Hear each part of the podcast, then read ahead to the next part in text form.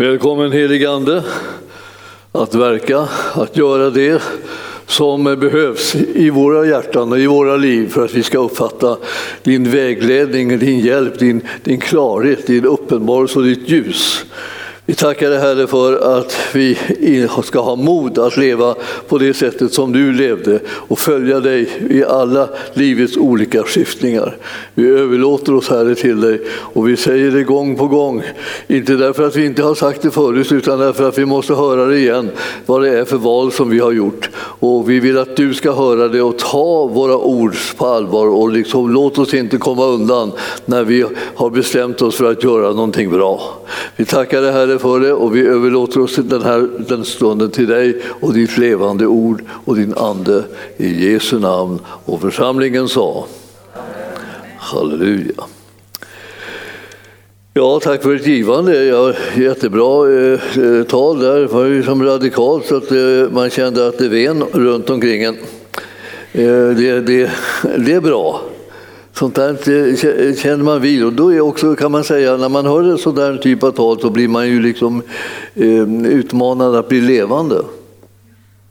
Och inte bara och, och, och sitta där och eh, vara sega som en stenstod.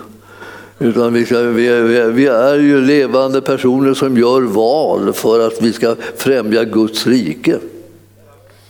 Och eftersom vi nu står liksom i de här tiden nu i ett månadsskifte så vet ju varenda människa jag säga, som tillhör Guds rike att det är tiondetider.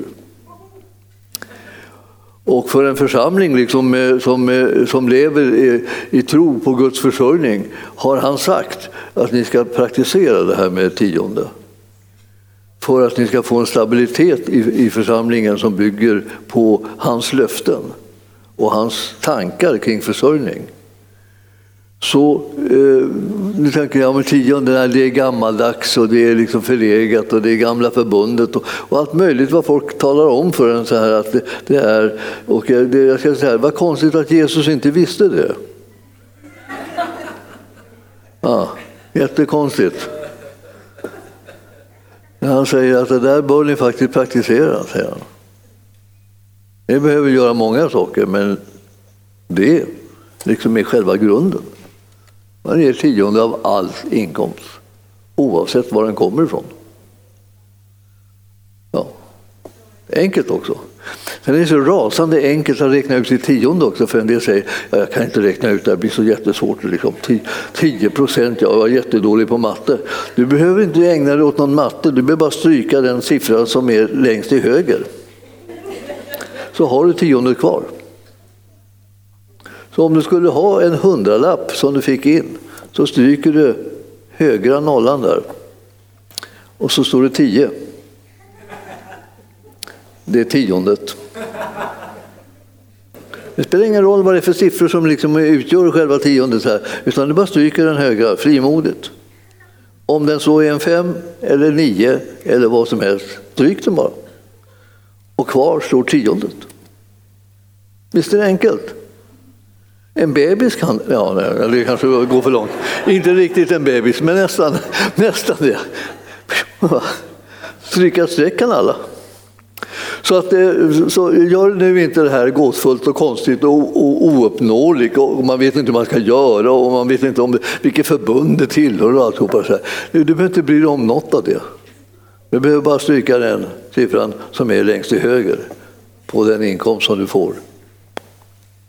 Och sen har du tiondet. Välkommen att vara med och försörja Guds församling och det arbete som församlingen gör för att föra ut evangelium i den här världen. Det är en av våra huvuduppgifter kan vi säga. Och sen tackar jag dig för det, att det frivilliga givande som du ger också. Liksom, det gör liksom att vi kan expandera på olika sätt, att vi kan ta itu och möta olika bestämda behov som, som kommer. Ibland kommer de stötvis och, och överraskande. Och eh, då får vi se hur, hur stötvis och överraskande Herrens försörjning kommer också. Den kan bara, han känner till hur vi har det. Och när du börjar bekanta dig med Herren rejält så kommer du märka att han känner till hur du har det också. Att, att vända sig till honom och be honom om, om, om det försörjningen. Så han, han, han, vet att vi behöver allt detta, står det så här. När, vi, när det gäller mat och eh, kläder och husrum och alltihopa det här, alla de här kostnaderna som vi allihopa har på olika sätt. Ni förstår, vi har, vi har en, en Gud som bryr sig om oss. Så vi behöver inte hålla ägna oss så jättemycket åt att vi bryr oss om oss själva utan om han bryr sig om oss så är vi mycket mer på säkra sidan än om vi sitter och försöker bry sig om oss. Utan vi ska bry oss om hans rike. Vad vill du Herre? Vad kan jag göra? Hur kan jag tjäna dig? Hur kan jag bidra? Hur kan jag stärka ditt rike? Hur kan jag nå ut med evangelium? Det är sådana där frågor som vi ska ställa. Inte hur kan jag få det? Hur kan jag få det? Hur kan jag få det? De, de, de, är, de frågorna är inte alltid nyttiga, för Herren har omsorg om dig. Och du behöver tacka honom för att han, han vet hur du har det och han hjälper dig.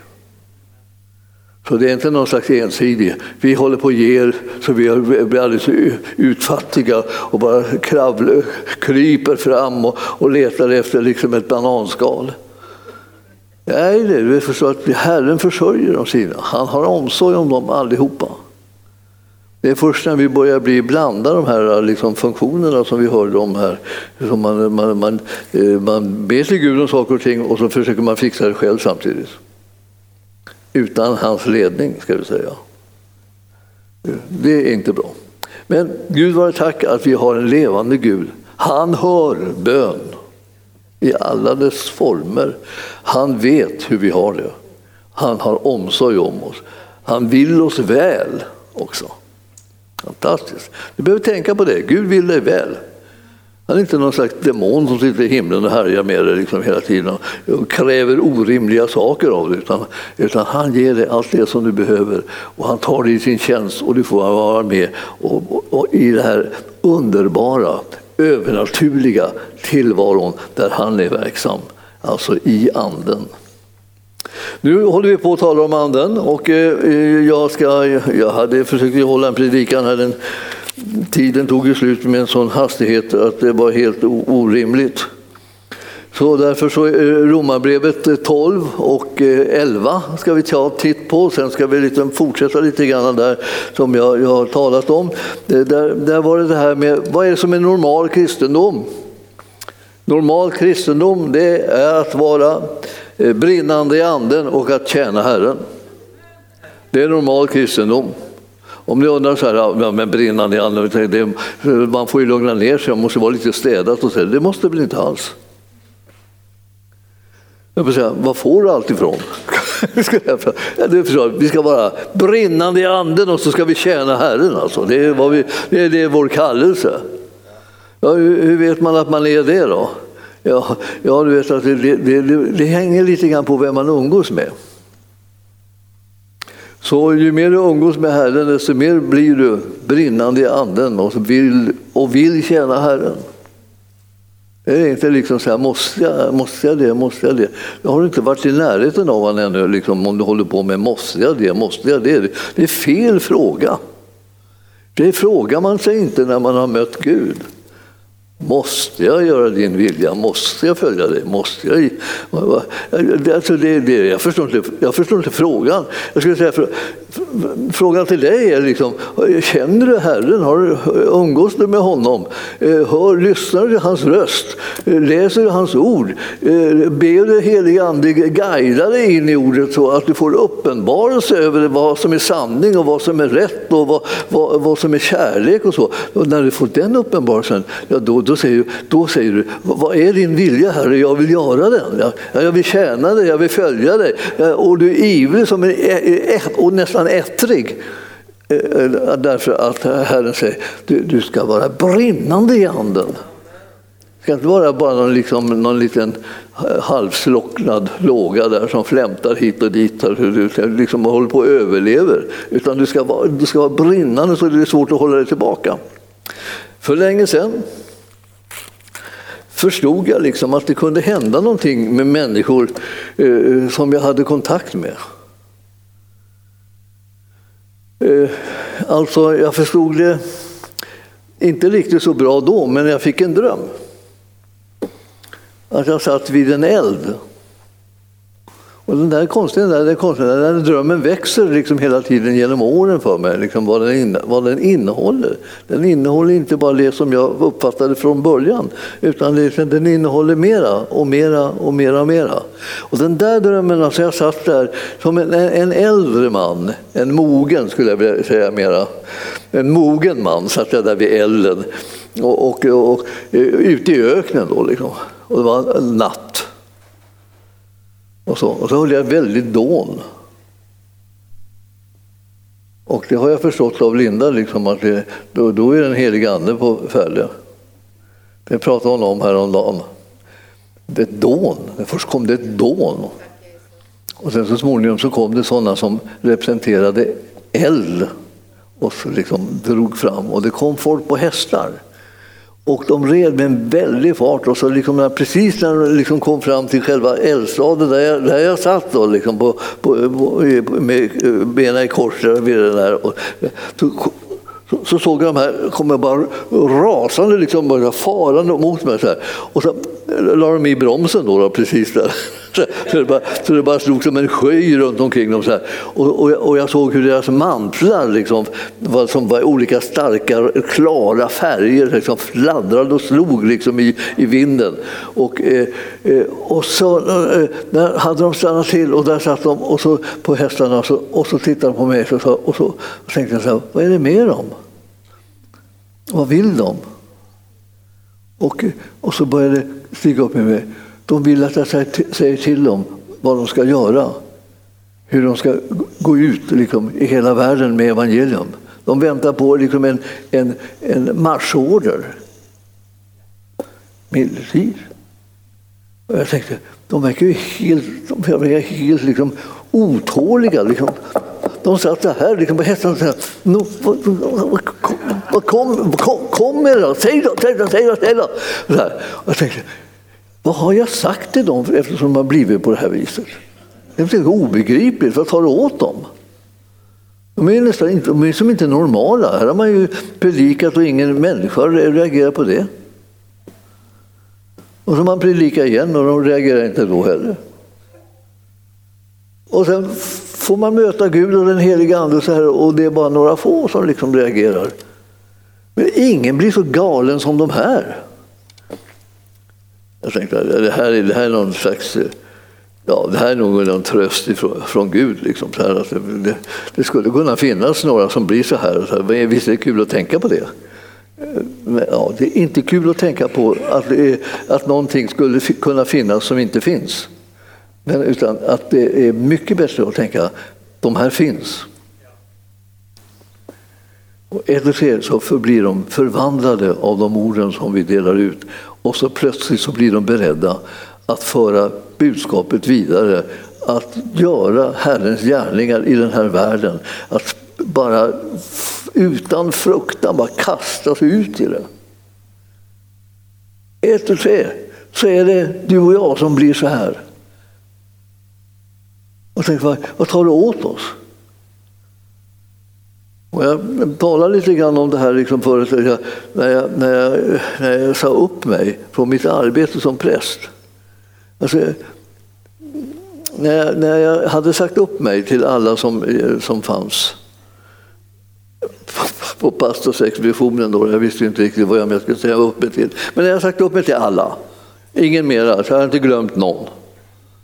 Jag gick runt och frågade, har jag sagt upp det till alla er som sitter här? Jaha, det hade jag. Och till er har jag sagt upp mig. Ja. För jag visste inte vad jag sa upp det till. Jag hade inte det med det i min plan. Men plötsligt var det Guds plan att säga upp mig.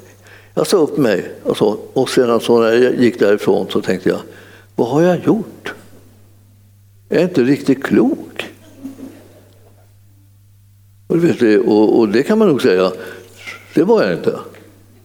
Klok är någonting sådär som, man, som då man handlar på någonting som man har tänkt igenom. Och så kommer man fram till eh, liksom det vettiga i den här saken som man tänker på. Och sen så handlar man på den. Då kan man säga så här, jodå, jag, jag är klok, jag har tänkt igenom alltsammans och så kommit fram till att jag ska ta det här steget. Men när jag gick därifrån och tänkte på det här så tänkte jag, jag har inte tänkt igenom någonting, jag bara gjorde det. Hur i all världen vågade jag göra det? då? Ja, alltså det, det, det, det, är ganska skönt att kunna skylla på Gud. alltså, det är inte så ofta som man kan liksom skylla på honom, men jag skyller på honom. Alltså eller han får äran för det där steget. För jag var faktiskt inte, hade inte en aning om att jag skulle ge mig till och ta ett sådant steg förrän han sa gå och säg upp dig, sa han. Då gjorde jag det. Och sen tänkte jag, vad har jag gjort? Och svaret var liksom så här, jag har inte en aning om vad jag har gjort, vad det kommer att få för konsekvenser. Det var bara så det blev. Så. Nu kan jag titta på konsekvenserna. Ja, man kan säga att ni är en del av konsekvenserna att ni sitter här. Och ni som är där också, på nätet, ni är också en del av konsekvenserna. Alltså hela omgivningen här är ju en del av konsekvenserna för att vi tog olika typer av sådana här steg och svarade ja när Gud sa saker och ting. Alltså, ni förstår att inte, inte, inte var det vettigt, nej, men det var bäst. Kan du förstå? Alltså? Att man, man, kan ju bygga sitt liv på vettigheter. Va? Och det hade jag, var jag van vid. Liksom jag bedömde saker och ting och tänkte igenom dem och gjorde det smartaste, bästa. Sådär. Ja. Men, men eh, det, det räckte inte när man, när man hade mött Gud. För plötsligt så talar han om saker och ting som man ska göra som absolut inte stämmer med vettigt och eh, rimligt och bra och så där på det viset. Utan det är bara liksom... Ja, ja, en del skulle säga till en då, detta är ju oansvarigt. Och det har de rätt i. Men det, vad, vad, menar de med det? Alltså de menar att jag inte var ansvarsfull när jag tog det steget. Med tanke på mitt läge, min situation, pengar, familj, rykte, vad helst. Du kan ta vad du vill. Inte någonting. Det var inte ansvarigt att förvalta sitt liv på det sättet som det här steget innebar. Det var helt som galet. Men så fanns den andra aspekten. Om det var Gud så var det det bästa steget som jag någonsin har tagit. Och det har liksom välsignat mig genom livet att jag tog det steget. Alltså. Man tror ibland att det bästa som finns är det man kan förstå sig på. Men det är inte min erfarenhet. Det jag kan förstå mig på är begränsat. Det bästa som finns är att hålla sig nära Gud och lyda honom. Det är bästa. Så därför så, så blir det liksom, vad, vad ska man göra då när man jag bara leva ett kristet, normalt kristet liv. Alltså, ja, ja, man ska vara brinnande i anden, det vill säga man ska vara levande invärtes så man kan höra vad Herren säger och ha mod och kraft närvarande för att kunna göra vad Gud säger åt en att göra. Så ska man tjäna Herren utifrån de förutsättningarna. Det spelar ingen roll att folk tycker att det verkar konstigt. Det, det, det är mycket som verkar konstigt för dem som inte tror. Men för de som tror är det meningen att det här ska, de ska känna igen det. För, för, när jag växte upp så var det så, så, så och, och, och, i väckelsevågor som jag varit i så, här, så, så sa folk ofta så här, Åh, detta här är typiskt Gud, sa de. Och, ofta om de mest orimliga saker liksom, som, som, som hände och omblev. Det här är typiskt Gud, sa de då. Och många gånger var inte jag liksom riktigt så inställd så att jag liksom uppfattade att det var typiskt Gud. Jag tyckte bara det var konstigt. Men så småningom, liksom, allt eftersom jag lärde känna Herren mer och gick på djupet, så började jag känna igen det här är Gud, det är typiskt Gud.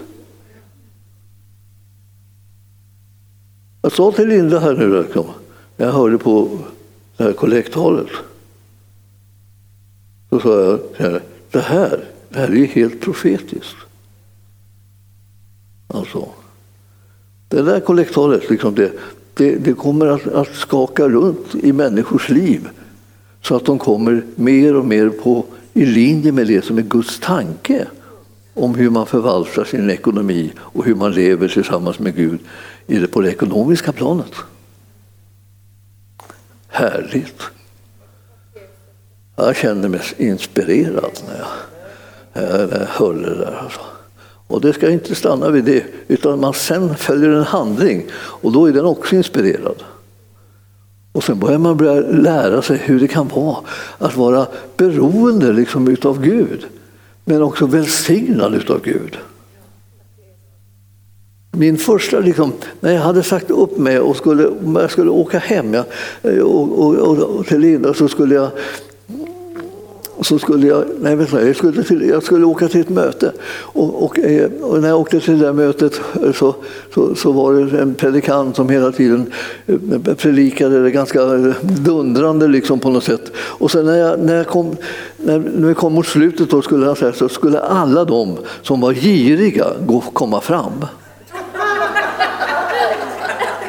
Han skulle lösa dem ifrån girighet. Vet ni. Och jag tänkte, ja, la, la, la. Jag, satt, jag, satt, jag, satt, jag satt liksom på främsta bänken så här och tänkte, nu ska alla giriga komma fram om de vågar komma någon så här. Och det blev liksom som en, som en hel, som en hel sån här jord utav, av, av, av kossor som liksom kom rusande liksom fram så här. Och bara, då, det dånade i salen och alla kom. Och så, och så, när de stod där så det var nästan packfullt. Så Här, så här. Ja, och så ni som sitter där och ni som sitter där, ni giriga ska komma fram också. Och då kom de också. Liksom, så här. Och till slut så var det så här, var det enda liksom, stället som inte hade kommit fram, det var vi som satt på första bänken. Då, då. För vi skulle ju representera liksom någon slags ledning eller liksom någon slags, eh, ja, någon, sådana som man skulle liksom, vi skulle betrakta mer av vad andra behövde. så. Ja, så sa nu, så, nu borde ni vara mogna vid det här laget då, att komma fram ni också, ni som är giriga här på den första bänken. Och kom ihåg nu att nu Gud känner er. Då reste vi på oss och gav upp liksom, och, gick, och ställde oss liksom i hela skaran. Så hela, hela församlingen alltså, flyttade sig liksom från sina stora fram till det och skulle erkänna, jag är girig. Och sen bad han en bön, och, eller, som, som nästan han skrek.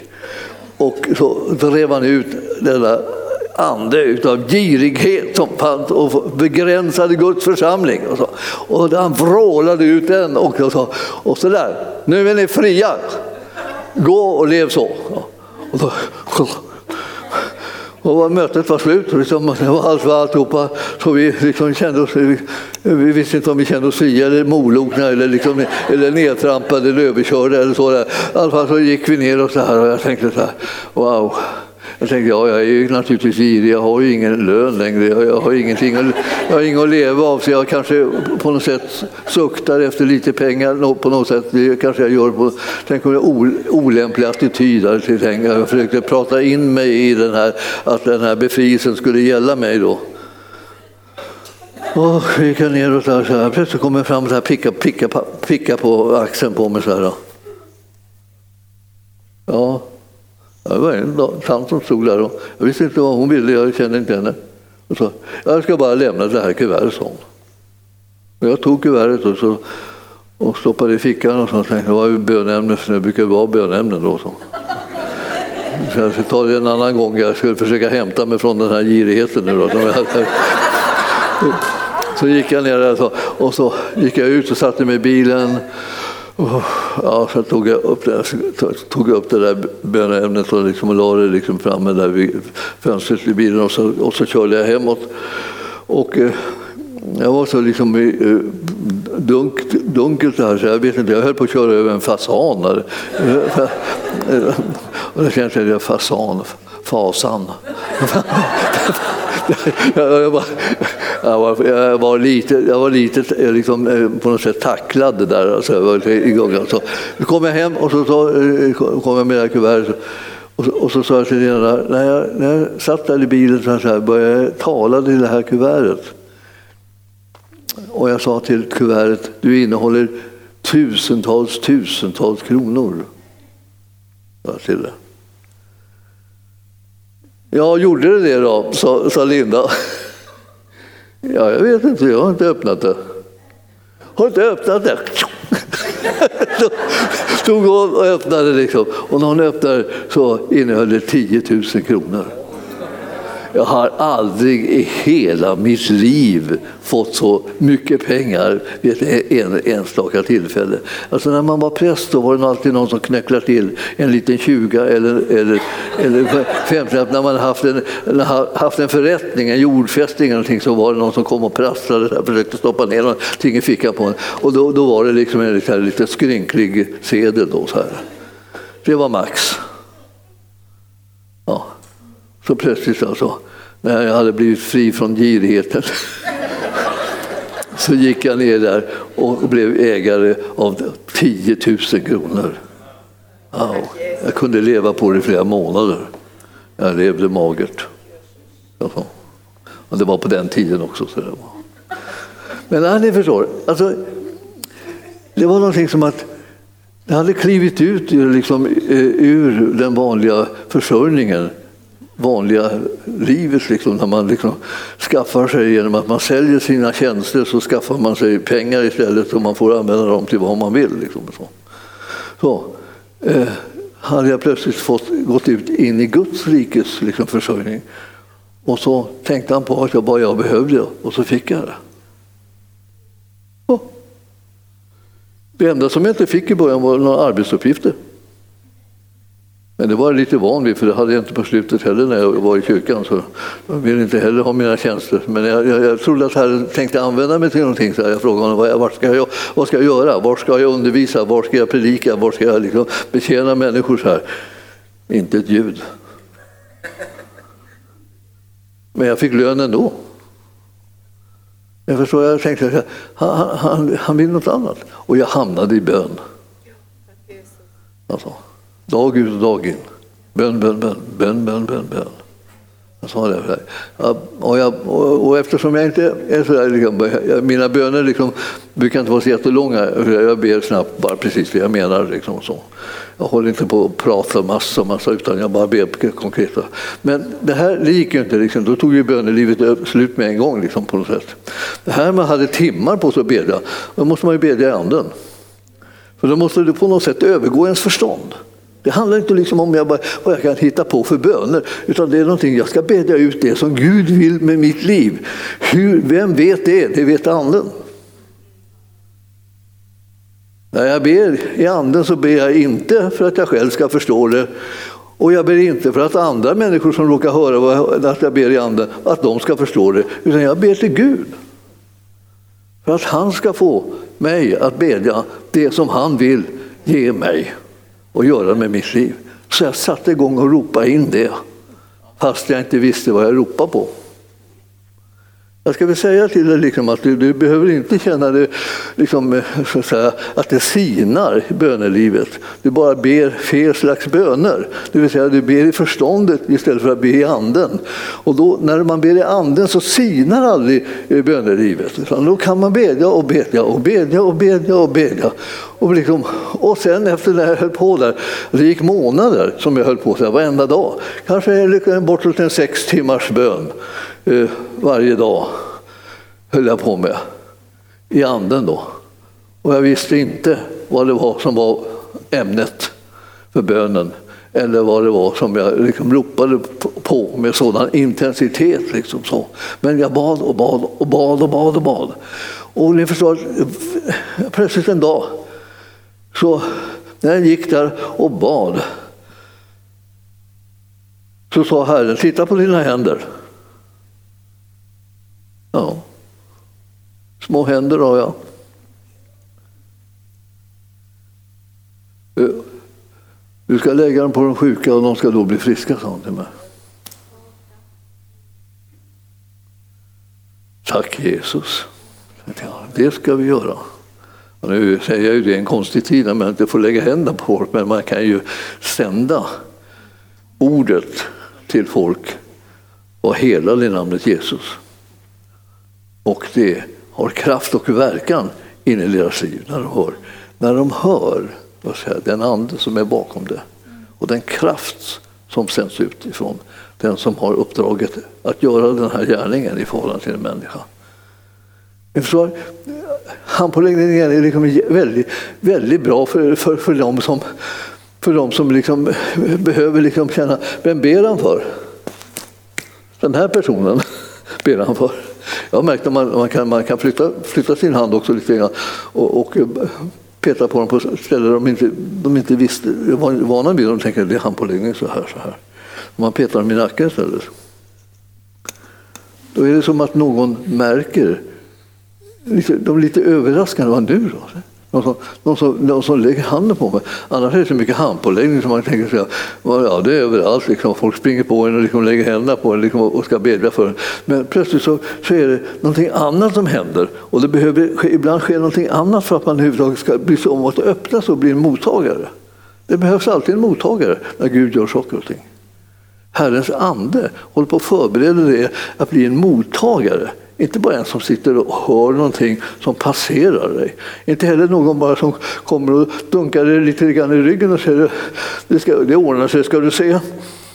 Utan, utan det behövs liksom en verklig beröring av Herrens ande in i ens liv. Och den beröringen kan du bestämma dig för att du tar emot. För det här är ett andligt skeende och inte liksom ett rent fysiskt. Ett fysiskt kan vara mer liksom för att liksom bara rubba dina cirklar så du inte sitter och låser dig när du, när du ska öppna dig. Alltså du, du, du fastnar liksom att du ska ta emot det istället för att du ska sitta där. Och, ja, det var ju som det var i början när vi, vi kallade fram folk och vi skulle lägga händerna på dem och bedja för dem. Och, eh, så, så sa någon att jag ska inte falla. Det var hela deras inställning, jag ska inte falla. Det var det. Var, det, var det va? De hade sett att folk föll, de tyckte det var liksom lite jobbigt då. Och, och sen kanske de tyckte det var jobbigt att komma upp sen. Då. Man, man är ju olika tränad då. Så, en del fick ju krypa fram till stolarna liksom och börja kravla sig upp så där. tyckte hela, det hela var lite skämmigt. Men alltså, in, inte falla. Det är ingen idé att man går fram till förbön och har som enda liksom mål, jag ska inte falla. För, för, det är fel mål. Utan du ska komma fram och säga, jag ska ha allt det som Herren vill ge mig. Jag ska dra in det i min, i min ande och jag ber att det ska bli verklighet, det som Gud har planerat att ge mig. Och jag tänker inte stå emot ett skvatt. Ja. Och, och den attityden gör mig till en mottagare. Det betyder egentligen att jag har tro. För det är tron som tar emot det som Herren utlovar. Alla löften får sitt ja sitt amen i Jesus Kristus. Blir jag automatiskt hela då? Nej, när jag tror på det blir jag det. För givet är det redan. Och han har redan vunnit det för min räkning. Men det är jag som ska ta emot det och det gör jag när jag tror på det. När jag tror på det säger jag ja och amen och tack Gud för det. Och så tar jag emot det liksom alltihopa. Så, så att han får göra precis det som han har planerat. Allt det som han har vunnit på Golgata kors, allt sammans är, är mitt och ditt. När vi tror på det får vi erfarenhet av det. Så då kan man inte hålla på ägna hela tiden åt att liksom säga nej, jag står emot, jag står emot, jag står emot. Det spelar ingen roll liksom om det liksom är långt, liksom långt eller kort mellan den som ber. Jag menar, om jag ber för dig som sitter där hemma, det spelar ingen roll att du sitter där hemma, hur många mil är det? Jag, du behöver inte skriva in till mig eller ringa och säga så här långt bort sitter jag. Så, här. Så, du, så du tänker på det när du ber. För i anden finns det inget avstånd. Utan det är bara så, direkt. Min farmor brukar berätta liksom att det var jättejobbigt att ha sina barn i Sverige när hon var missionär i Kina. För när de kom upp i, här, i, i gymnasieåldern då skickade de hem barnen från Kina, alltså de var födda där, då skickade de hem sina barn eh, till, till, Sverige för att de skulle bo på missions, eh, ja, det var en, liksom, en missionsgård som låg i Sundbyberg. Och, och, och, där skulle de bo. De missionärer som skulle vila upp sig liksom, lite ibland kom dit och bodde där en tid, men också barnen bodde där, de som skulle gå i skola. Och så, och så, eh, Eh, och så fick eh, mamma sitta då i Kina då och bedja. Och så, det var ju väldigt viktigt att kunna bedja då, för brev tog flera månader att komma fram. Alltså. Så det var inte så där. Liksom. Men när, när, när, när, när farmor liksom, hon sa det här, ja, så, och så vaknade jag en natt och så kände jag sån oro eh, för Roland. Ja, Roland var en, en, en, ganska ung son som hon hade och som var lite grann vildvuxen. Sådär. Han gjorde gärna saker som var äventyrliga. Sådana finns ju, säger jag då till er som är skötsamma alla. men, men, alltså han, han var så här, så farmor då och då fick hon, fick hon liksom så här, uh, akut signal. Då. Nu, nu är det fara och färde. Så upp då liksom och kasta sig ner på golvet och vid sängen och bedra till Gud om beskydd för det där Roland. Då, för att det var någonting. Och så skrev hon ner tiden då det var och sedan i nästa brev så skrev hon så här, vad hände då? Vad hände då? frågade hon då. Och sen så småningom efter flera månader så fick hon ett svar då. Och så här, Jaha, det var då. Jag, jag, jag, jag förlåt mamma, förlåt. Jag var ute och körde motorcykel liksom och, och, jag, och, och, det hade regnat och jag körde oförsiktigt och jag liksom kom ner till, till själva hamnen där och så plötsligt så lirade, sladdade jag liksom och, och, så åkte jag med motorcykeln rakt ner i sjön. Liksom. Och, och jag höll på att komma loss ifrån den, liksom, fick den på mig. Liksom, och så, och så, men så, jag fick kämpa, kämpa och till slut så kom jag upp liksom, och fick massor med kallsupar och, alltihopa. Jaha, jaha, tack. Och så ska man svar tillbaka. Då var jag uppe. Just det där klockslaget väckte Gud mig och så bad jag för dig för att du ska bli bevarad. För, för att det var fara och färre. Och sen kan man, mycket bättre det var än att bara skriva ett brev att eh, kunna be till en bönhörande Gud. Vi har samma Gud. I anden finns inga avstånd, inga skillnader så att säga. I liksom det här, måste jag, hur är det, kan jag bedja nu? Så man måste på något sätt räkna ut om det stämmer. Så här. Utan Gud ordnar allt det där. När det händer pang så är man liksom kontaktad för att bedja och tro för ett beskydd och att bli bevarad. Och Gud är mäktig att göra det som vi ber honom om. Det här är, det här är Andens verk i oss och genom oss. Du och jag som är kallade att vara den heliga Andes tempel. Alltså, jag, jag tänker ibland så här, vilka fantastiska uppgifter och, och, och, ställningar och möjligheter som du och jag har fått som vi sällan tänker på och därför inte använder oss av så, så, så, så alldeles mycket. I oss bor den heliga Ande. Hur har det kunnat ske? Jo, det skedde genom att vi blev födda på nytt och blev nya skapelser. Det gamla är förgånget. Se, något nytt har kommit. Känner ni igen det? Det, det, det kommer från Andra Korinthierbrevet, eh, femte kapitel. Alltså det, här, det här är sånt där som man, man, man känner så här, åh, vilka, vilka bibelställen det finns. Alltså. Man, ska, man blir ju helt eh, lyrisk när man tänker på det. Ni kan titta på det där. Jag kan slå upp det i din bibel också, det är alltid nyttigt. Varje gång man hittar ett bibelställe som någon hänvisar till så kan man känna sig som en segrare. Här ska vi se. Alltså, för det första står det i 5 och 17 så här. Att alltså om någon är i Kristus, alltså, det vill säga frälst. Då händer inte bara det att man själv är, kommer in i Kristus utan han kommer genom sin ande in i oss.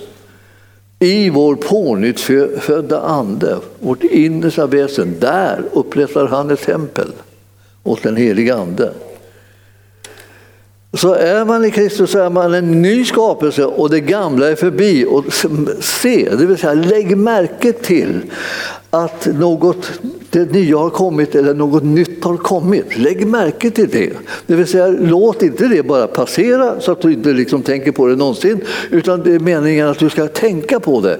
Att det, det, det, det har kommit någonting nytt istället för det gamla. Det är inte likadant som det var förut. Alltså. Alltså vi vet, vet vana så här, ja, ja det, hur är det? Ja, det är som vanligt. Ja, ja men alltså, hur, har, det blivit någon, har det blivit någon skillnad? Vi har bett för det, ja det är jämna plågor. Alltså, det är hopplöst liksom att prata med folk som, är, som pratar sönder det som är Guds möjligheter att verka. Vi ska sätta tro till oss, bekänna oss till det som vi har bett honom om därför han har lovat oss att han ska ge det. Så vi, vi tar steg i tro. Alltså. Inte liksom, vi tar inte steg utifrån en erfarenhet utan vi tar steg utifrån en tro på en Gud som är trofast. Och därför så bekänner vi oss till att det här är vårt. Herren har lovat det, det är mitt. Alltså. Och Herrens ande stärker och uppbygger mig genom att jag, att jag litar på det som han säger i sitt ord och genom sin ande. Så det här, det här är, det är så fantastiskt alltså, att eh, vi är den heliga Andes tempel. Att Herren, Herrens ande bor i dig och mig. Det gör ju att hela situationen är annorlunda. Det är ju inte som det var förut. Det är fullständigt förändrat. Vad ska man göra när det är fullständigt förändrat? Man ska leva ett nytt liv. Man ska inte liksom sitta där och säga ja, det, det, det blir väl ungefär som vanligt. Det händer ju aldrig någonting i mitt liv och så. Eh, nej, det, skulle, det gör det aldrig när man pratar på det där sättet. Då händer ju ingenting. Alltså. Utan vad du ska tala om är, är liksom, vad är det du tror på när du har hört vad Herren har lovat. Om du tror på det han lovar så är det det som du ska kalla på och proklamera att du har tagit emot. Du ska inte sätta det på tvären, du ska öppna det och ta emot det. Det kallas för tro. Jag, tänker, jag vet inte hur man gör det. Liksom. om, du, om du inte vet hur man tror så ska du eh, vika lite mer tid tillsammans med Gud. För om du lyssnar till hans ord så kommer det bli en effekt av det, att du får tro. Tron kommer av Ja. Är det någon som vet vad tron kommer av? Predikan, predikan ja. Och predikan, och predikan från Kristi ord. Så om man inte har någon tro, ja, men gå och lyssna lite på predikan av Kristi ord. Jag säger inte vilken predikan som helst, det finns massa predikningar som liksom är bara slag i luften. Men de som bygger på Kristi ord, de kan man lyssna på och då får man tro i sitt hjärta. Då blir man plötsligt en mottagare av det som Herren har gett till en. Innan det så blir man en åskådare. Ja, vi har alla varit åskådare så vi känner igen det. Eh, men det här, att vara mottagare, eh, det, det, det, är det man ska försöka ta sig till, den positionen. Ögonen böj, snabbt ska det gå. För det, det, behövs någonting, det behövs någonting särdeles märkligt det här med och övernaturligt i det kristna livet. Det, är, alltså det kristna livet är ett övernaturligt liv. Jag vill säga det, liksom. gå inte omkring och tro att, det ska, att du ska kunna förklara det här för folk och det blir så vettigt och det blir så vettigt. Det blir aldrig vettigt, det blir helt galet. Alltså. Det blir helt, men samtidigt blir det helt underbart. De för, alltså, folk förstår inte, men om man talar till dem det som är Herrens löften och om hans gärningar så kommer det att väcka tro och först det blir en längtan eller en hunger i hemlighet i deras hjärtan och sen blir det som en tro som de känner. Åh, de kommer att säga till dig, åh jag önskar att jag hade en tro som du. Då ska man säga till dem, den är din. Du får den tron i ögonaböj. Ta emot den. Bekänn dig till den. Öppna ditt hjärta för den. Och den är din. Alltså de tror liksom att det, åh, det kommer att bli som kamp, man måste brotta ner allt mellan himmel och jord. Hittar man liksom någon sån här liten scen där Jakob, hur han brottas med Gud, tänker man åh, det är jag, jag brottas med Gud, jag brottas med Gud. Och, och så här. Och jag, vet, jag vet inte hur det kommer att gå. Men du förstår att du behöver inte brottas med Gud, han är redan han är med på, på noterna. Han vill ge dig det som han har lovat att ge dig. Alla Guds löften, så många de är, har fått sitt ja och sitt amen i Jesus Kristus. Visst? Ja. Det står skrivet. Och jag skulle önska att jag kunde liksom få det liksom att märka hur mycket som står skrivet. Alltså det, det du undrar kanske liksom om kan det, kan det hända, kan det bli så, kan han vilja det, kan han Ja, det, det står redan skrivet. Ja, men då skulle man väl alla ta emot det, skulle de? Alla ska liksom krångla till saker och ting så där väldigt lätt och tänka så här, ja, men man kan invända det här och man kan invända det där. Ja, och man kan låta bli att invända också. Man kan säga ja, tack och eh, prisad vare Gud, det är mitt. Och då får du verkan av, av, av det här, din tro gör att det, det blir, blir verklighet. Ja, vi, vi talar lite grann om, om det här med, med den heliga Ande. Det, var, det här var liksom den heliga Andes tempel. Va?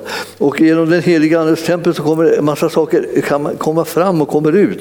Och jag, jag talade om att alltså, vi allihopa får absolut inte, vi som är bröder, alla vi som tror på Jesus och har bekänt honom som vår Herre, vi är bröder. Det vill säga vi, vi, vi är syskon, vi är Guds barn och vi är arvingar som vi hörde. Liksom. Det vill säga vi, vi har tillgång till det som han har vunnit för oss genom sin död och sin uppståndelse. Det är liksom tillgängligt för dig och mig. Och så står det här att, att eh, nu, nu, är vi, nu är vi alltså bröder och då får inte vi vara okunniga om de andliga tingen. Jag tycker jag älskar det här ordet, det är så, liksom så rakt på sak, rakt in i, liksom i våra, våra liv till vardags. Liksom. Vi, vi lever som om de andliga tingen ibland inte var verkliga. Det är de som är verkliga. Det andra är bara någonting som varar en kort tid och sen är det väck. Men det andliga, alltså, vi ska inte vara okunniga om de andliga tingen. Det är, det är alltså eh, 12 kapitlet i, i första Korinthierbrevet, vers 1. 12 och 1, första Korinthierbrevet, där står det bröder, jag vill inte att ni ska vara okunniga i de, när det gäller andliga tingen. Nej. Och om vi inte är okunniga om det, då vet vi liksom lite grann att de är uppdelade liksom i olika, olika liksom avdelningar kan vi säga, där han undervisar ut det. Och han talar om nådegåvorna, han talar om tjänstegåvorna och han talar om kraftverkningarna. Det är de här tre. Och eh, eh, jag ska tala lite grann mer nu. Om jag Ja, en liten stund hinner jag. Eh, tala om, om kraft, kraftverkningar. Man kan, när man undrar vad, vad är det? Det är konsekvenserna av det andliga livet. Av Andens närvaro i våra liv. Och, och, och det där, det, det, då får man vända blad, liksom, ja, det, i min bibel i alla fall. Eh, eh, det, så, så, tittar man då i, i verserna lite längre ner och det, det här startar med elfte versen. Alltså, kraften eh, och, och verkningen av kraften. Det, finns, det står beskrivet i verserna 11 till 27. Och du tänker så här, ja, ja men där står ju liksom om kroppen, Kristi kropp och Guds församling och sådana där saker. Ja, just det. Det, det, det är den som kommer till och blir verklighet genom Herrens andes verk. Så står det så här från elfte versen. Men allt detta verkar en och samma ande som efter sin vilja fördelar sina gåvor åt var och en. Det här är det som händer i Guds församling. Vi överlåter oss till Jesus Kristus och vi blir kallade att utgöra hans kropp och förvalta olika typer av gåvor. Och det står vidare så här. Ty liksom kroppen är en och har många lemmar, men kroppens alla lemmar, och de är många, utgör en kropp, så är det också med Kristus. Det här är många saker som, som skulle vi behöva liksom aktualisera. För att om vi aktualiserar de här lite grann och tänker på dem så blir vi inte så benägna liksom att hålla på och krångla med varann. Alltså, det vill säga, vi är inte konkurrenter på något sätt i, i, i, Guds, i Guds, församling. Och vi är, I Kristi kropp är vi olika lemmar med olika funktioner. För att det ska bli en, en frisk och sund och, och vettig kropp alltså, så behövs det alla möjliga typer där. Det kan vi trösta oss med då. Så vi känner att liksom, jaha, så en sån som jag, en sån som du får plats där, ja. Och det är meningen alltså att vi ska vara olika, ja. Det är inte meningen att vi ska vara dumma, men vi ska vara snälla men annorlunda.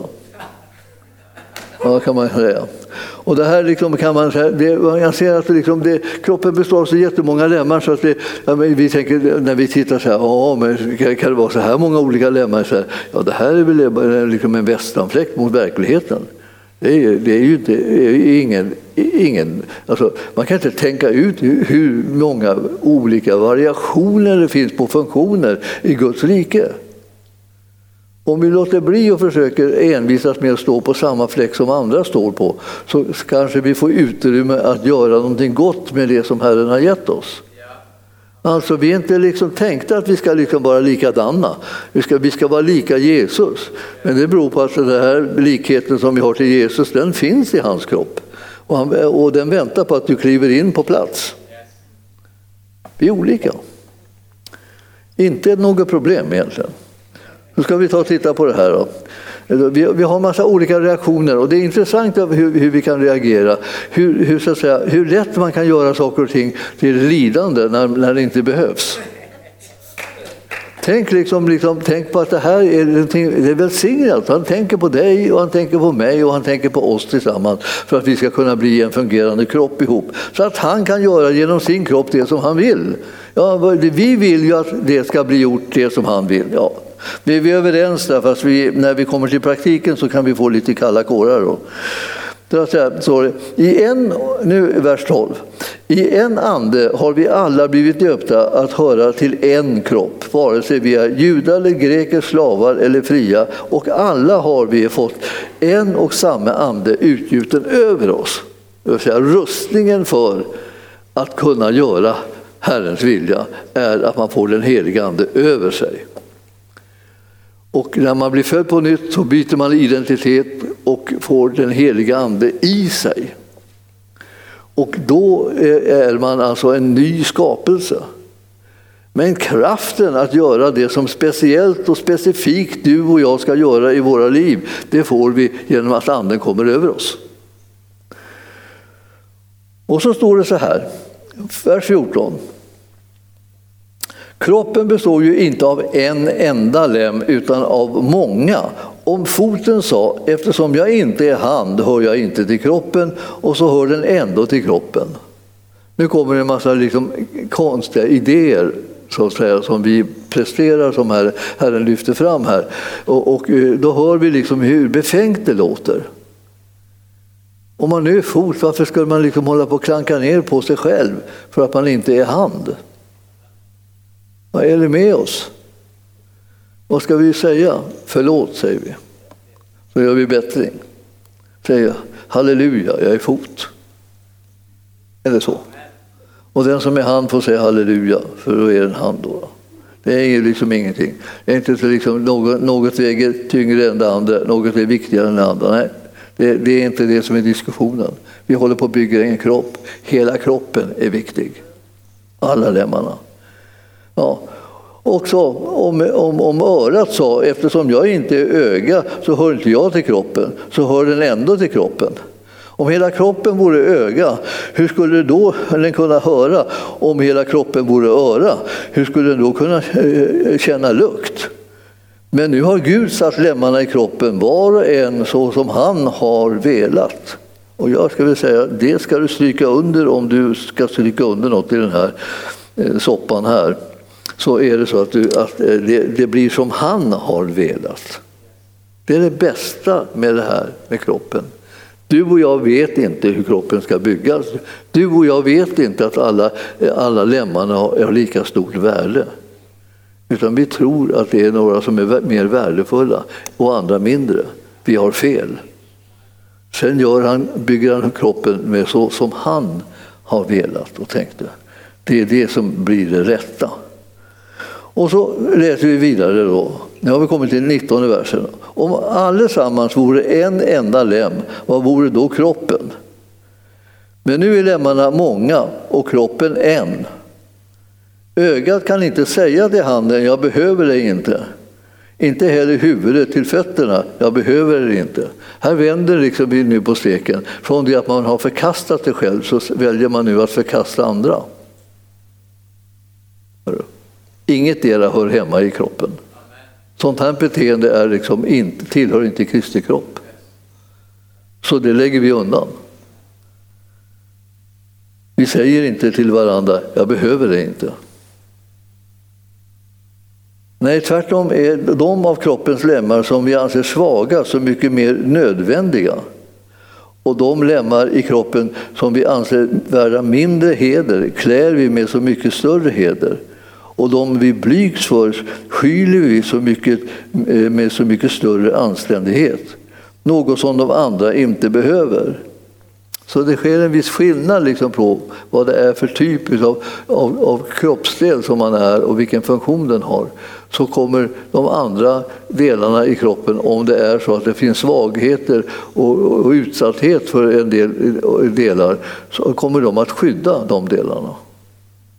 Vi kallar det att eh, ställa oss som en mur. Jag brukar tänka på det där när man ser de här gamla truppindelningarna liksom som man hade förr. Då, när man gick där och så blev man attackerad och då skrek man liksom sköld eller något liknande och så höll alla upp eldsjäl åt ett håll så här, där de skulle liksom skydda de som var innanför. Så gjorde man kanske en fyrkant eller någonting sånt där eh, inom eh, den romerska armén. Så kopplade man ihop sköldarna och sedan var det några som var inne i gruppen satte sköldar som tak. Så blev man som en, liksom en, en, en järntanks ungefär. Och så kunde man springa i takt då. Där med sina spjut utkörda mellan, mellan sköldarna. Det är en fruktansvärd apparat att möta. Hur, hur kommer det sig att det funkade? Det funkade därför att varje del bidrog med sitt försvar.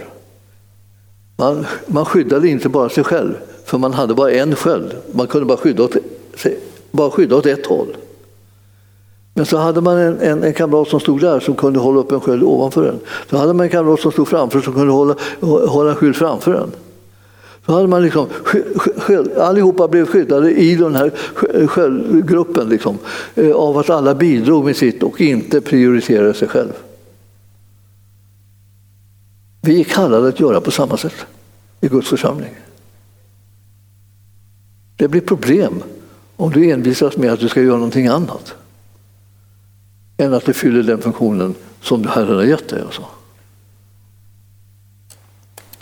Och det, här, det, här är så, det, det, så, man, det är nyttigt att tänka på. Alltså. När, när man vinner seger därför att man kopplar ihop med varandra, när man gör Herrens vilja tillsammans, så vinner man seger. Man trampar ner och kör över fienden helt enkelt. Och alla blir beskyddade. Det här är liksom strategin, så att säga, Guds strategi för kroppen. Så det är så att eh, och, och, och lemmarna, ja, nu ska vi se vad jag, ja, det var där jag var, ja, något annat inte behöver jag. Gud, men Gud har fogat samman kroppen och gett den oansenligare lemmen större heder. Alltså, det är så här att, att det finns vissa delar i kroppen som behöver beskyddas mera än andra. Och de andra som, eh, så att säga, som har både kraft och resurser och så över kan ställa sin, sin kraft till förfogande för att skydda också de svagare lemmarna.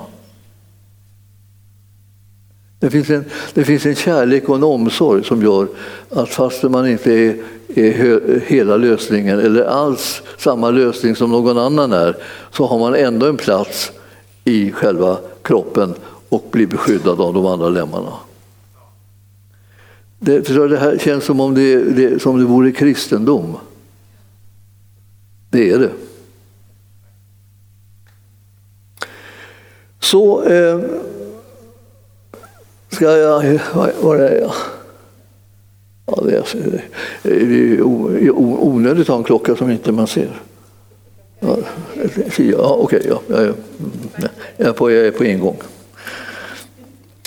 Eh, så, eh, och varför gör man det? För att det inte ska uppstå splittring i kroppen så, så, eh, så, så tar man sig an varandra också.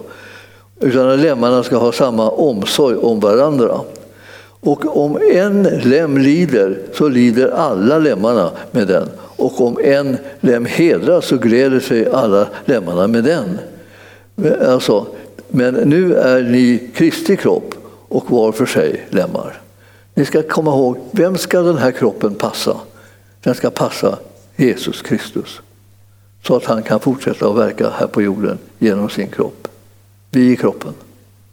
Vi är lemmarna. Vi är de som samverkar. Vi är de som förbarmar sig över varandra. Vi är de som drivs av kärlek till Jesus för att göra hans vilja i den här världen. Det är vi. Och om en lem lider så lider de andra lemmarna. Och jag brukar alltid när jag kommer in på den här texten tala lite kort om liksom hur, hur det var när jag upptäckte att eh, jag hade en lilltå. Det är många som har upptäckt det när de har varit ute och gått. Fast de inte, de inte tänkt på det så mycket förut. Men jag var ute och sprang liksom en, i, en, i en hage kan vi säga. När de hade lite hästar och sådär. Och jag sprang, var ute och sprang där barfota på sommaren. Jag var lite liten då.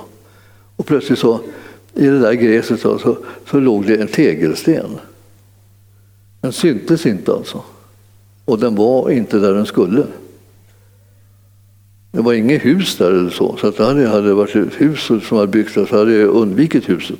Men nu var det bara en tegelsten som låg gömd i gräset. Och jag sprang med full fart där, över den där. Och jag fick, satte i tån rakt i tegelstenen. Och det var första gången som jag kan minnas att jag någonsin hade uppmärksammat min lilltå. Jag hade levt som om den inte fanns, kan vi säga. Men nu fanns den. Och inte nog med det, att den fanns där. Allting i hela min varelse liksom sögs ner i lilltån. Alltså det var ungefär som en tecknad film. Så liksom, när det så åker allting bara ner i tån. Va? För där, den gjorde så, den, den tickade liksom som om det var som en eh, explosion på gång. Så, var det. Och där var jag. Okay, jag var helt och hållet där. Jag kunde inte säga, jag struntar väl i Lilltom, vad har den med mig att göra? Eh, det, det, var, det var ingen idé att säga sådana saker, fullkomligt meningslöst, därför jag var redan fångad i den eftersom en lem led och då led jag med automatik med den. Jag levde i kubik till och med. Alltså jag trodde jag skulle dö av liksom, den fruktansvärda smärta som jag fick i den där tån. Ah, och så... Alltså jag tänkte, jag, jag, jag, kan inte tänka en vettig tanke, liksom. alltihopa bara pulserar. Och så efteråt, då, när jag fick en flera års distans till situationen, så kunde jag tänka mig liksom att det här, det här var ju liksom, ett, eh, liksom en, liten, en liten läxa då, för att liksom, om en lem lider, lider hela kroppen. Man kan inte reservera sig mot det som man sitter ihop med. Så låt bli det. Ta med ett plåster eller ett bandage eller vad någonting. Eller sätt på dig skorna när du springer i okänd terräng. Och särskilt gärna en stålhätta också, så att säga. Så är säker på att du liksom inte ska göra dig illa. Men ni förstår, man kommer inte undan att man sitter ihop. Det räcker ibland att vi får rapporter från, från eh, olika missionsstationer och partners ute i världen som, som har fruktansvärt lidande och svårigheter och som blir för, lider förföljelse och sånt där. Alltså man känner sig som upprörd alltså, i, i sitt inre, som om, om det gällde en själv. Kan man, man sitter ihop. Ja. Man kan liksom inte bara säga att ja, det är de där borta, de är, så där är de mot varandra, så där gör de. Och så där. Men det, det, det är fasansfullt. Och det drabbar oss. Därför vi är lemmar i samma kropp. När vi har läst den här, den här biten nu då, eh, om man också kan få dela heden om någon hedras så gläder sig hela kroppen. Det är så, så är det också. Så det är liksom, liksom, inte riktigt ett val, utan det är liksom nu har det hänt någonting med dig och mig. Vi har blivit sammanfogade med några som, som vi lever ett liv ihop med. Och vare sig vi, det, det är, vi delar lidande eller vi delar, delar glädje eh, så är det ingen som kommer undan det. Och sen står det om församlingar, att Guds församling alltså har, har eh, fått eh, hjälpmedel för att den ska kunna bli stark och enad och tänka samma saker och gå åt samma håll och göra samma gärningar. Och, och det är det att Gud har i församlingen först och främst satt några till apostlar, andra till profeter, andra till evangelister och andra till herdar och, och lärare, står det ibland när vi läser i Efesierbrevet 4 och 11. Men här står det liksom lite mer differentierat. Alltså lärare, vidare folk som ska utföra kraftgärningar, andra som får gåvor att bota sjuka, till att att hjälpa, till att styra, att tala olika slags tungomål. Allt det här är tjänster. Och jag vill att ni ska förstå att det är skillnad på tjänster och nådegåvor. För de tjänsterna är de Gud har kallat den till och smort den för. Tjänstegåvorna, och det är något alldeles speciellt. De är till för att bygga församlingen. Och de har liksom en slags församlingsprioritet i sig. Men det står så här i 20 versen, inte är väl alla apostlar och inte är väl alla profeter och inte är väl alla lärare och inte utför väl alla kraftgärningar. Alltså det är tjänster det här, att utföra kraftgärningar. Vi pratar inte om, om nådegåvor nu, utan vi pratar om tjänster. Det finns sådana tjänster som utför liksom kraftgärningar. Och sen står det eh, vidare då, inte har väl alla gåvor att bota sjuka och inte talar väl alla tungomål och inte kan väl alla uttyda. Och då mitt i denna liksom, information så står det alltså, att inte talar väl alla tungomål. Och det har en del då liksom kopplat fast vid och säger så här, ja men då slipper jag, då väljer jag bort tungomål för det är så genant. Men så står det inte, det här är en tjänst. Det här är inte samma sak som en, som en tjänstegåva, så att säga. Du, att välja att tala tungor eller inte, det, det, kan du naturligtvis välja. Men tjänsten är inte någonting som du väljer bort eller inte. Utan det är din tjänst. Och när du fått den kallelsen så kommer den att följa dig. Och jag, jag vill säga till dig så att, så att när, när nästa mening börjar med män och det hoppas jag att den gör i alla era biblar. Man vet ju aldrig riktigt hur de översätter saker och ting här nu för tiden. Men det ska stå män efter det och det betyder att nu byter vi område som vi pratar om. Vi hade pratat om tjänstegåvor ända ner till det här att, att tala tungomål och att uttyda. Alla kan inte det. Nej, bara de som har blivit kallade till den tjänsten kan det. Men sträva efter de nådegåvor som är de största. Och det är alltså ett annat ämne. Nådegåvor är inte samma som tjänstegåvor. Jag har pratat om tjänstegåvor sedan versen 28 och ända ner till och med 30. Sen pratar vi om nådegåvor. Och de kan man alltså sträcka sig efter, bedja om och så. Alla har tillgång till dem efter behov när man kommer i situationer av nöd. Och eh, sen är den stora, stora gåvan som gör, som gör så fantastisk skillnad, nämligen att vara driven av kärlek istället för att vara driven av lagen. Så vi, är, vi är de som har fått den stora förmånen att vara drivna av kärlek i det som vi väljer att göra i den här världen. Och kärleken är den kärlek som kommer från Herren till oss och som vi sedan använder och gensvarar med till honom att älska honom så som han har älskat oss. Han har älskat oss först och sen kommer vi med vårt gensvar och älskar tillbaka. Och vad gör vi då? Hans vilja gör vi.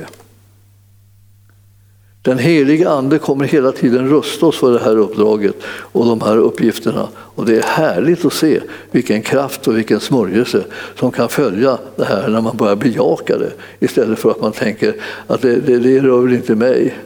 Och jag väljer bort det och jag väljer bort det och jag väljer bort det. Eller jag väljer bara liksom mäktiga, starka, stora tjänster som blir kända över hela världen. Det är vad jag väljer. Alltså, och jag, jag väljer att bli liksom en världsvis tjänst i, i, evangeliet, i evangelietjänst eller profet eller, eller en apostel. Liksom, det smäller högt och sådär. Det finns ingenting som smäller högt allt, mer än alltihop. För det här är Kristi kropp som är i verksamhet och som är utrustad och vi är de delarna i den kroppen som ska göra hans vilja i den här världen fortsättningsvis också, ända tills han kommer och hämtar hem oss. Himmelske Fader, vi ber att du ska låta din heliga Ande påminna oss gång på gång och mer och mer om vad det är för kallelse och uppdrag som vi har i den här världen. Om din heliga Andes närvaro i oss som är den heliga Andes tempel och om den heliga Andes närvaro i oss alla som är troende, alla vi som tror på det som du har gjort genom Jesus Kristus och tror på den heliga Andes kraft och möjligheter att utföra dina gärningar i den här världen genom den kropp som du har gett den. Tackar dig Herre för det. Vi överlåter oss till dig. Vi ber förhärliga ditt namn genom oss. I Jesu namn. Och församlingen sa Amen. Halleluja, halleluja. Tack Jesus. Ja, underbart. Ehm, Så som vi har pratat om och som pastor Gunnar också varit inne på just när, när Gud har, eh, en, eh, har gett oss ett uppgift så finns det, det finns försörjning, det finns styrka, det finns kraft, det finns övernaturlig förmåga, det finns smörjelse för att göra, för att utföra det han har kallat oss till. Och när vi har talat om den här heliga ande den här helgen så är ju det liksom, den heliga ande har vi ju hört, han har många olika funktioner. Ehm, han finns i oss, han, han kommer över oss. Och du kan se att eh, det här är just att, att Gud önskar att du ska eh, få del av hans övernaturliga förmåga att leva ett övernaturligt liv. När du, när du gensvarar till det som Gud har kallat dig till, det han har tänkt för dig, så behöver du, alltså då, är, då räcker det inte med bara att du är liksom, att du är duktig. Då behöver du den helige ande. Ja. Så jag tänkte att vi ska göra så att vi, den, vi avslutar den här gudstjänsten med att inbjuda den helige ande till att komma över dig. Och nu är det ju, jag tycker ju det här är så underbart för, för det som, alltså, många gånger så tänker vi att den helige ande han utrustar bara oss här i kyrkan så att vi ska kunna liksom vittna eller vi ska kunna säga någonting eller sånt. Men det är inte så där, den helige ande han är ju med dig hela veckan. Och, och eh, han, han, han, han vill smörja dig och göra dig skicklig till att, till att vara ett vittne, till att, till att göra det som han, Gud har kallat dig till. Alltså så, så du kan säga att det är, det är, alltså jag behöver imorgon bitti när jag går på jobb så behöver jag den helige andes hjälp. Jag behöver hans visdom, jag behöver hans förstånd, jag behöver liksom för att göra det som, det som Gud har, liksom har lagt ner i mitt liv. Och så är det också för dig. Och eh, eh jag tror att den helige ande är, är här speciellt för att, att utrusta oss nu. För, för den här veckan och den här tiden. Hela, det, är ju inte, det är ju inte tillfälligt att vi pratar så mycket om den helige ande som i början av eh, terminen. Liksom så här. På bibelskolan så behöver vi den helige ande kraftfull för att vi som undervisar ska undervisa liksom, så att det blir bra, att, att den helige ande får verka. Och du och jag behöver den i vårt arbete och sånt. Ska vi göra, göra så att vi, vi tar lite tid nu och så tar vi, sätter vi tro till att den helige ande ska komma över oss. Halleluja.